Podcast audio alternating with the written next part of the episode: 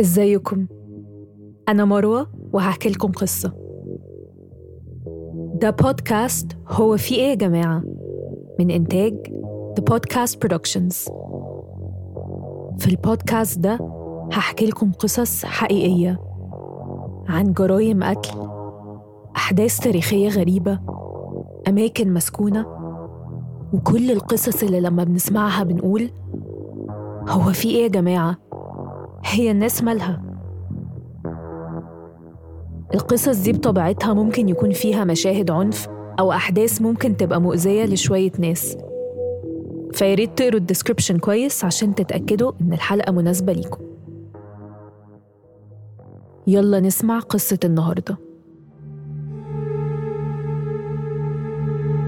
جزار بلينفيلد لو بتحبوا الأفلام بالذات الرعب يبقى أكيد شفتوا أو سمعتوا عن التلات أفلام دول. Psycho و Texas Chainsaw Massacre و The Silence of the Lambs إيه العامل المشترك بينهم غير الرعب؟ التلاتة مستوحين من قصة نفس الشخص.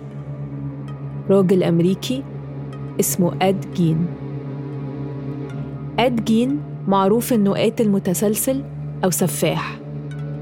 مع إنه ممكن يكون ما قتلش غير مرة واحدة. المرعب في قصة أد جين أكتر من فعل القتل نفسه هو اللي كان بيعمله بعد القتل أو بعد موت الضحية. سنة 1957 الشرطة دخلت بيت أد جين عشان كانوا بيحققوا في اختفاء ست باسم برنيس ووردن والتحقيق وصلهم لبيته. لما وصلوا وابتدوا يفتشوا في البيت لقوا إن عفش البيت فيه حاجة غريبة قوي. عمرهم ما شافوها قبل كده. بسبب الحاجة دي البيت ده اتسمى بعد كده ببيت الرعب. خلونا نبتدي القصة من أولها لأن عشان نفهم حكاية أدجين لازم نحكي عن طفولته. زي أغلب القصص اللي من النوعية دي قد طفولته ما كانتش سعيدة أو عادية. أد جين اتولد سنة 1906 في ولاية ويسكونسن في أمريكا. أبوه كان اسمه جورج وكان مدمن خمرة وبيضرب أد وأخوه الأكبر هنري بشكل مستمر. حتى مامته أوجاستا كانت ست متسلطة ومتشددة دينياً. بشكل مخيف وكل تربيتها مبنية على الشعور بالذنب والخوف لدرجة إنها ما كانتش بتعلم ولادها من الإنجيل غير آيات الترهيب والعذاب. علاقة الأم بالأب ما كانتش كويسة لأنه كان بيضربها هي كمان وهي كانت طول الوقت بتعنفه لفظيا وكانت بتدعي قدامه وقدام ولادها إن ربنا ياخده. وفي سنة 1915 الأم قررت تنقل الأسرة لبلدة صغيرة وهادية اسمها بلين فيلد عشان يبعدوا عن حياة الخطيئة اللي في المدينة. فاشتروا مزرعة هناك 150 فدان وعاشوا في عزلة.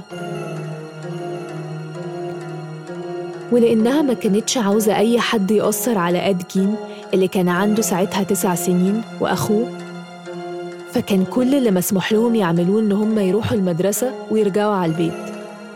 ممنوع يبقى عندهم صحاب يعزموهم أو يخرجوا معاهم. وطبعا إنهم يبقوا يعرفوا بنات دي كانت حاجة مستحيلة ومرفوضة تماما. لأن في نظر أوجاستا كل البنات بيفسدوا الرجالة وبينافوا تعليم ربنا. ما عدا هي طبعا. أوجاستا كانت بتعنف ولادها باسم الدين. وكان ممكن توصل إنها تدلق عليهم مية سخنة لو شكت إنهم بيعملوا معصية.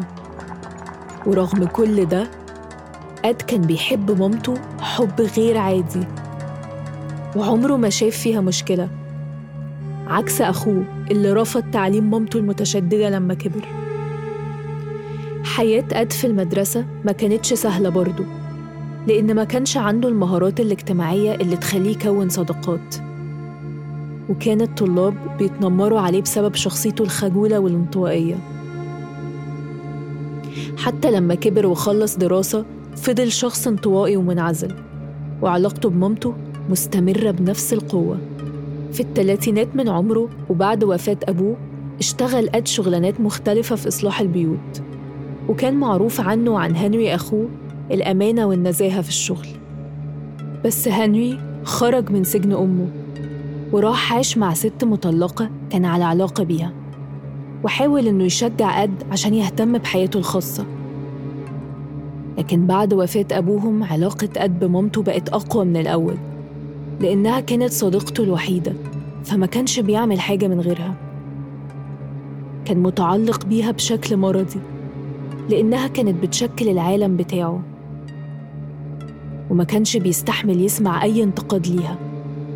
وبيغضب ويتعصب لو هنري اتكلم عنها بشكل سيء.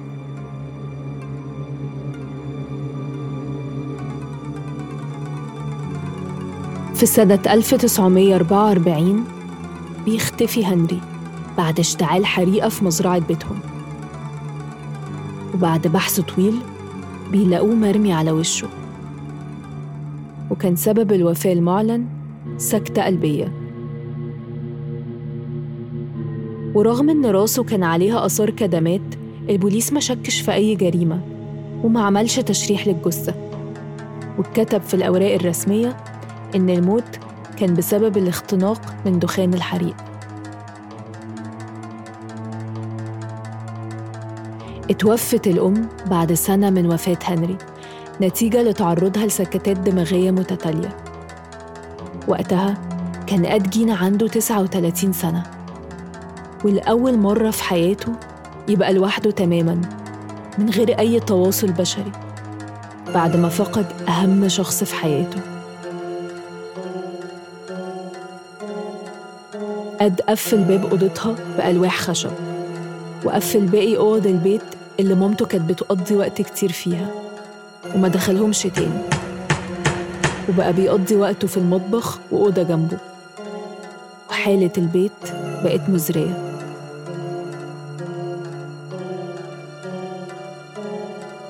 من الوقت ده لحد ما أدجين تم 51 سنة عاش حياة تليق إنها تتحول لفيلم رعب. لكن محدش كان يعرف حاجة عنه لحد في يوم من الأيام في نوفمبر 1957 وكان أغلب رجال البلدة مشغولين في موسم صيد الغزلان. لما رجعوا البلدة في نهاية اليوم كان بينهم راجل مامته اسمها برنيس ووردن. وبتشتغل في محل أدوات.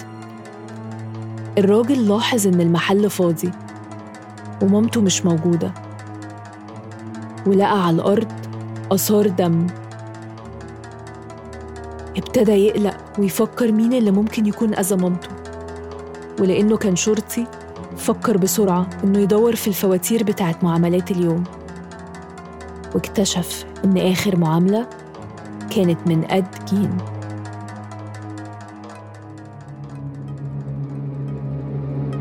في ساعتها البوليس اتحرك واقتحم مزرعته. كان في زي عشة جنب البيت بتتسمى المطبخ الصيفي. البوليس دخلها والدنيا ضلمة. كان في إيديهم كشافات بيحركوها في المكان. لحد ما النور وقع على حاجة متعلقة من السقف. افتكروها غزالة مذبوحة. لكن اتفاجئوا إنها جثة برنيس ووردن. متعلقة من رجلها. راسها مقطوعة وأحشائها وأعضائها الداخلية بره. بنفس التكنيك اللي بيتعمل مع غزالة بعد ما بيصطادوها. رجال الشرطة اللي كانوا جوه خرجوا مفجوعين من المنظر اللي خلاهم يرجعوا. لكن كان في حاجة أغرب وأبشع مستنياهم في بيت أدجين.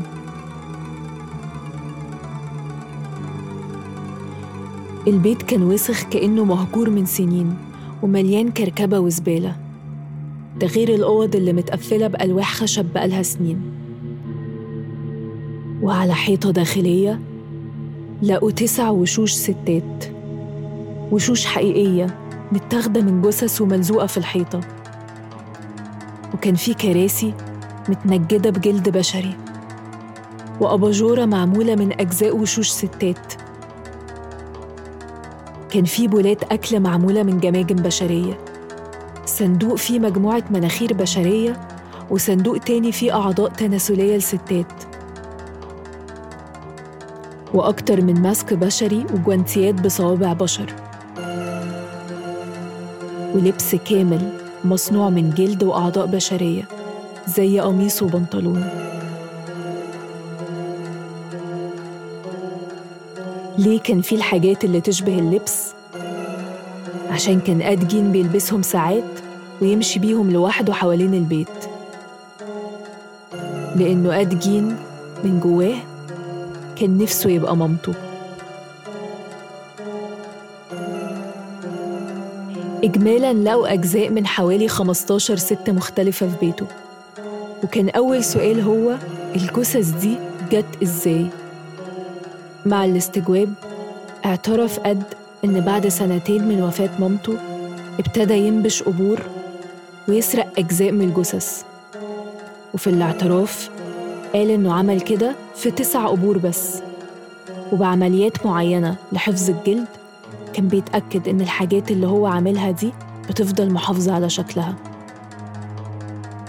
كان بيتابع صفحات الوفيات في الجرايد ولما يلاقي ست في منتصف العمر وتشبه مامته شوية كان بيروح ينبش قبرها أول ما تدفن وياخد الجثة كلها أو أجزاء منها. وبعد تفتيش البيت مرة تانية لقوا قلب برنيس ووردن جنب البوتاجاز وراسها في كيس مدقوق فيه مسامير لأن أدجين كان عاوز يعلقه على الحيطة. واكتشفوا اكتشاف مرعب تاني. سر كان قدام عين البلدة كلها ومش مصدقينه. كان في ست اسمها ماري هوجن. كانت اختفت من ثلاث سنين ومحدش عارف طريقها. كان آد جين ساعات بيقول للناس هي عندي في البيت بس هما كانوا بيفتكروا إنه بيهزر هزار غريب. لأن هو شخص مهاراته الاجتماعية مش قد كده. بس مع التفتيش فتحوا container لقوا فيه وش ست وكان وش ماري هوجن. في بداية التحقيق أد جين اعترف إنه قتل ماري وبعدين أنكر. اعترافات أد جين كانت غير مقبولة في المحكمة لأن الضابط اللي كان بيستجوبه ما قدرش يتمالك أعصابه من اللي شافه. وخبط راس أد جين في الحيطة لحد ما اعترف بجرائم القتل.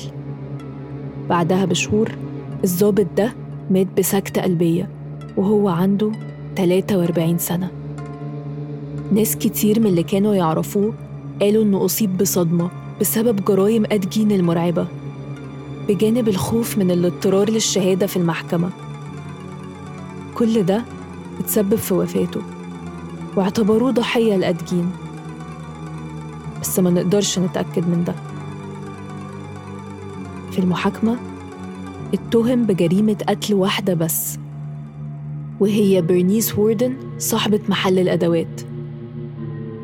وكان دفاع المحامي إنه غير مذنب بسبب الجنون.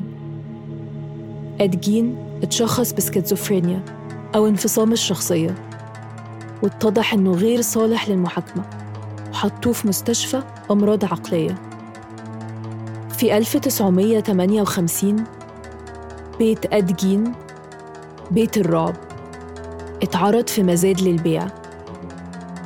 بس قبل ما العملية تتم البيت اتحرق لسبب مجهول. الأغلب إن الناس كانت خايفة يتحول لمتحف أو علامة مميزة الناس تيجي تزورها. لكن عربيته اللي كان بينقل فيها الجثث من المقابر للبيت اشتراها رجل أعمال صاحب كرنفال. عشان يعرضها بتذاكر للناس اللي عندها فضول تشوفها. وأخيراً بعد محاكمته ب 11 سنة في سنة 1968 الأطباء قرروا إن أدجين صالح عقلياً إنه يتحاكم. وقتها أد طلب إنه يتحاكم من غير هيئة محلفين. وقال إنه قتل برنيس ووردن من غير قصد وإنه كان بيشتري بندقية منها وداس على الزناد بالغلط. وهو بيتفحص البندقية. وإنه مش فاكر أي حاجة تانية في اليوم ده. بعد محاكمة استمرت أسبوع القاضي حكم إن أدجين مذنب. لكن اتعقدت جلسة محاكمة تانية وقتها اتحكم عليه تاني إنه غير مذنب بسبب الجنون. وعاش بقية حياته في مستشفى الأمراض العقلية. ورغم سيرته الدموية المرعبة الممرضين والمرضى اللي معاه كانوا بيقولوا إنه شخص هادي ومنطوي وما بيعملش مشاكل. إد جين مات بسرطان رئة سنة 1977 واتدفن جنب مامته في نفس المقابر اللي كان بينبشها. وسنة 2000 لقوا حد بيبيع جزء من شاهد قبره. الناس كانت بتسرق أجزاء منه لحد ما في الآخر الشاهد كله اتاخد وفضل أدجين مدفون في نفس المكان لكن من غير شاهد. دي كانت قصة النهاردة. لو عجبتكم أو حسيتوا إنكم عايزين تقولوا هو في إيه يا جماعة؟ يبقى ما تنسوش تعملوا like و subscribe و share. لو عندكم قصص عاوزين ترشحوها ابعتولنا على صفحة The Podcast Productions. واستنوا القصة الجاية.